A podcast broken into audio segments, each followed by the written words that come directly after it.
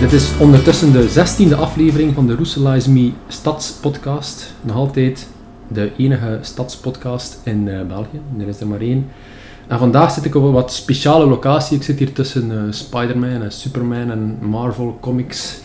Uh, ik zit bij Lieven de Maat.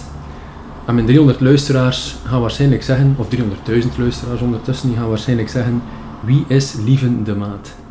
Oké, okay, ik ben de zaakvoerder van Comics City Roeselare. We specialiseren ons eigenlijk in Amerikaanse collectibles, filmreplica's, Amerikaanse comics en eigenlijk alles rond de popculture van nu. Ja. Dus uh, ja. Een unieke plaats hier in Roeselaar, unieke winkel? Um, redelijk. We zijn maar heel weinig in België nog, omdat het een heel moeilijke markt is. Het is heel moeilijk om je product niet te krijgen. Er zijn heel veel licenties daar rekening mee houden. Um, sommige producten mogen die niet verkocht worden of zitten een andere fa allez, fabrikant op die het product wel verdelen in Europa. Dus het is niet zo heel simpel om het constant te doen. Ook de Amerikaanse comics zelf zijn tijdrovend, omdat we elke week de nieuwste comics moeten hebben. Marvel released in Amerika elke woensdag. Het is de bedoeling dat wij de dag voordien onze comics al in België kunnen en dat we mee zijn. Dus het is wel iets dat arbeidsintensief is soms. Dus elke woensdag Ja. is er een nieuwe, laat ik het stripverhaal Ja, noemen, want het inderdaad. is helemaal geen stripverhaal, maar alleen, Ja. laat ik het strip. Elke, nieuwe elke woensdag is er een nieuw Ja, stripverhaal. inderdaad. Dus we hebben gasten die hier ehm, ja, dus een maand op voorhand er een previews komen bekijken als een catalogus, maar alles die uitkomt van comics, die zeggen wel dat en dat en dat. En het is aan ons dan voor die comics te importeren en die dan ook op diezelfde datum hier te. Ja. Waarom begint iemand uit Roeselaar een, eh, een, een comic store, comic book store? Puur uit hobby eigenlijk. Het was, het was voor mezelf altijd zo van heel veel wel van collectibles, dat allemaal zien op internet. Dat er dat komt uit, dat komt uit. En het was puur interesse en het was heel moeilijk om al hier aan, aan dingen te geraken. Dus via via begin zoeken van hoe kan ik toch dat figuur in mijn collectie zetten, hoe kan ik toch dat beeldje vinden. En op een duur stuit je wel op, op, op groothandels en dit en dat. En die zijn ook van kijk aan particulier mogen wij niet verkopen of doen we ook niks mee. En toch via via daar weer kunnen binnenraken. Ik speelde ook railcard-spelletjes, dat is trading card games. Daarvoor ook redelijk wat landen afgereisd, dus ook mensen leren kennen, dikke dezelfde industrie. En toch zo erin en opeens zag ik door van misschien moet ik dat gewoon zelf een winkel beginnen. En zo raak ik zelf makkelijk aan mijn stuiten en we zien wat dat doet. Ik ga het een jaar proberen. Ondertussen zijn we al het vierde jaar, dus... eh. En is dat een uit de hand gelopen hobby? Eh, in principe wel, ja. Ja. Toch wel, ja, redelijk. Ja. Maar we mogen het geen speelgoed noemen, hè. het is hier... Allee, Speelgoed, ja, sommige figuren die we verkopen zijn eigenlijk wel puur speelgoed, maar het is te zien wat dan de mensen zoeken ook. Het kan heel ver gaan, het kan gaan van een beeld van Sideshow Collectibles die al direct heel hoge klas is, maar het kan ook gewoon een actiefiguurtje zijn dat je eigenlijk praktisch in een gewone speelgoedwinkel ook zou kunnen vinden. Het hangt er echt vanaf wat het product is. ja. Maar wordt er dan speelgoed gekocht, of wordt, zijn het vooral verzamelaars? Wat dat soort vooral publiek, eh, verzamelaars zijn, ja. We hebben hier Ja. soms wel sporadisch wat mensen die wat speelgoed zoeken, die misschien wat meer kwalitatief speelgoed zoeken, want er is Ja. wel een verschil tussen de Europese actiefiguurtjes en soms de Amerikaanse. Mhm. Dus, maar het meeste is echt wel verzamelmateriaal. Ik trek de vergelijking met de, de Big Bang Theorie. Mhm. Laat er stuk- straks een stukje Ja. horen. eh, mensen gaan het wel herkennen. Our whole universe was in a hot, dense state that nearly 14 billion years ago expansion started. Wait, the earth began to cool, the autotrophs began to drool, Neanderthals developed tools, we built a wall. We built the pyramids, math, science, history, unraveling the mystery that all started with a big bang. Het de, Sheldon Coopers die hier langskomen? Oh, er komt hier van alles. Er komen mensen die, die redelijk introvert zijn, die echt wel een beetje verlegen zijn. Maar er komen bijvoorbeeld ook mensen die gewoon in een bank werken of, of, of een eigen zaak hebben of zo. Dus het is echt een heel, heel wijd publiek. Ja, we hebben het al maar wat, wat kunnen we hier allemaal juist vinden? Eh, het gaat van, ik, ik, ik ben geen specialist, ik zie Spider-Man en Batman, maar het gaat veel verder. Ja, inderdaad. Dus eh, bijvoorbeeld gisteren nou een figuur aangekondigd die uitkomt in september dit jaar. Een John Lennon figuur. Een op 6 half figuur die gesculpt is door iemand die heel bekend is in die wereld. En dat is ook iets dat er perfect in ons assortiment past. Want de mensen die verzamelen en ook redelijk, moet zeggen, gevarieerde interesse en, en verzamelen van alles, zolang dat maar een collectible is. En wat maakt de winkel uniek in, in Roeselaar, in Vlaanderen misschien? Ehm, denk ons rechtstreeks contact met merk Cotobuquia, omdat we toch wel aan die ra- rechtstreeks en dat is eigenlijk heel moeilijk als Europeaan of als Belg om dat te doen.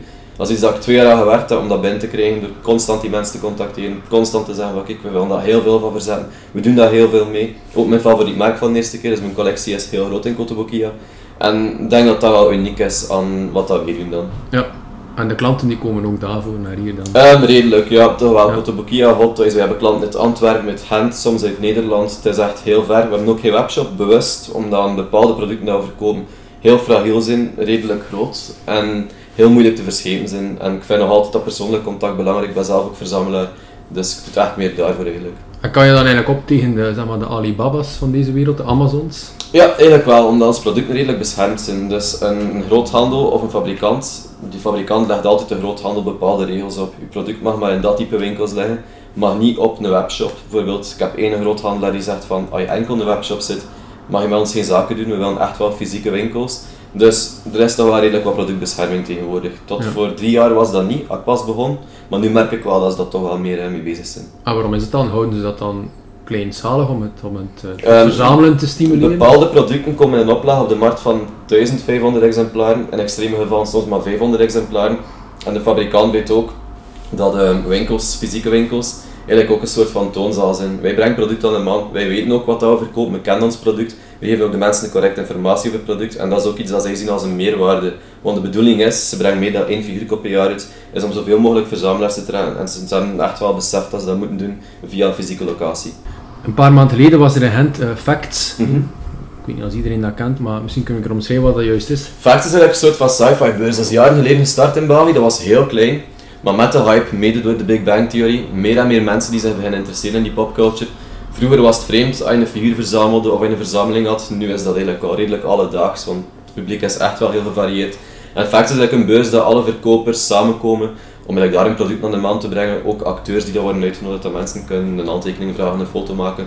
Dat is eigenlijk echt wel een beetje een geek convention. Ja. Is dat dan belangrijk voor, voor jou, voor de winkel of, of voor jou persoonlijk? Voor ons niet zo heel erg. Wij, wij staan niet echt op facts, omdat dat ons niet zo heel interesseert om daar te gaan staan, want we zitten echt met een uniek product. En we vinden eigenlijk dat zo'n dingen soms echt wel heel moeilijk zijn. Het publiek die gaat naar facts, gaat meestal voor de cosplays en de acteurs en dit en dat. Dus dat is een beetje een shift die aan het gebeuren is. Het gaat eigenlijk echt meer van een verkoopbeurs dan een soort conventie nu. Ja, dus meer een entertainment. Ja, eh, voilà. en, en, en is het ooit ambitie om iets gelijkaardigs in, in te doen? Of, eh? Ik denk dat die mogelijkheid er misschien wel is. Ik ga wel niet zeggen op zo'n grote schaal, want een acteur laten overkomen kost handenvol geld. Mhm. Zoiets organiseren ook, er gaat daar meer dan 10.000 man op af. Dus ik denk dat die zelfs niet mogelijk is. Je moet er echt met een ferme organisatie achter zijn. Maar misschien dat de toekomst doet dat een klein evenementje zie ik zeker wel zijn. Ja, er is wel een publiek hier lokaal. Sowieso, ja. Ja, ja, Er zijn redelijk wat verzamelaars in, in Roeselaar en eigenlijk onze omstreken ook. Ja. Dus ik denk dat dat iets is wat zeker kan, want eigenlijk over heel West-Vlaanderen zitten heel veel verzamelaars. Het is echt niet dat je ergens een groep hebt dat er meer zijn. Het is echt wel netjes gelijk gespreid overal. En, en wat doe je dan met die verzameling? Want ik, ik weet niet welk soort wat, Van ja, spullen verzamel jij dan persoonlijk? Ik verzamel vooral ehm, vintage Power Ranger figuurtjes. Dat is iets van kleins af dat ik al mee heb. En sinds kort was dat 20 jaar het bestaan daarvan. Toen kwam er een hele hype, heel wat nieuwe figuren op de markt. De, de remakes van de oude toys, maar in iets betere kwaliteit. En dat heeft een hele grote boost gekregen, want zelfs nu in 2017 is er een comicbookreeks die loopt van Power Rangers. Er was een nieuwe film gebaseerd op deze generatie. Dat is wat ik het meeste doe. Maar eigenlijk heb ik in mijn verzameling ook heel wat Marvel beeldjes staan of figuurtjes. Dus gaat echt Ja. wel Het gaat heel gevarieerd. Ja. maar het is niet om mee te spelen. Eh, nee. Je hebt geen kinderen die ermee spelen of zo? Ehm, nee, het is echt wel decoratief Ja, allemaal. ja, ja, ja, ja. oké. Ehm, mijn laatste vraag, of een van de laatste vragen dat ik altijd stel in, in, in elke aflevering van de podcast is: welke markante figuren, uit Roeselare, eh, moet ik ook eens achter mijn microfoon plaatsen? Bij het spatje van de BNS in de Noordstraat, sowieso. En wie is dat juist dan? Eh, dat is een schoenwinkel BNS. Dat is, Ah, ja, ja, ja. Patrick, had hem sowieso wel kennen, bezig. Ja, Deze. ja en waarom? ja. Maar die mens eh, ziet ook veel volk passeren elke dag en die kan wat in het ander vertaan bezig. Ja, die heeft een Ja. verhaal. Ja, denk Dat zijn wel. ideale figuren voor, voor, eh, voor ja. een podcast eh, rond te bouwen. Ehm Lieven, bedankt voor het gesprek. Ja, dat is niks. Ehm, zijn veel succes in de winkel. Waar kunnen de mensen jou vinden? En de Albrecht Rodenbachstraat in Roeselaar. En Roeselaar. Ja, Allemaal naar hier komen. grote eh, vermaalt de podcast Zo wel. en ze krijgen een grote korting. Ja, voilà. Zoiets. Zoiets, ja. Oké, dat was niet afgesproken trouwens. Goed, bedankt en tot de volgende keer. Alright, bedankt.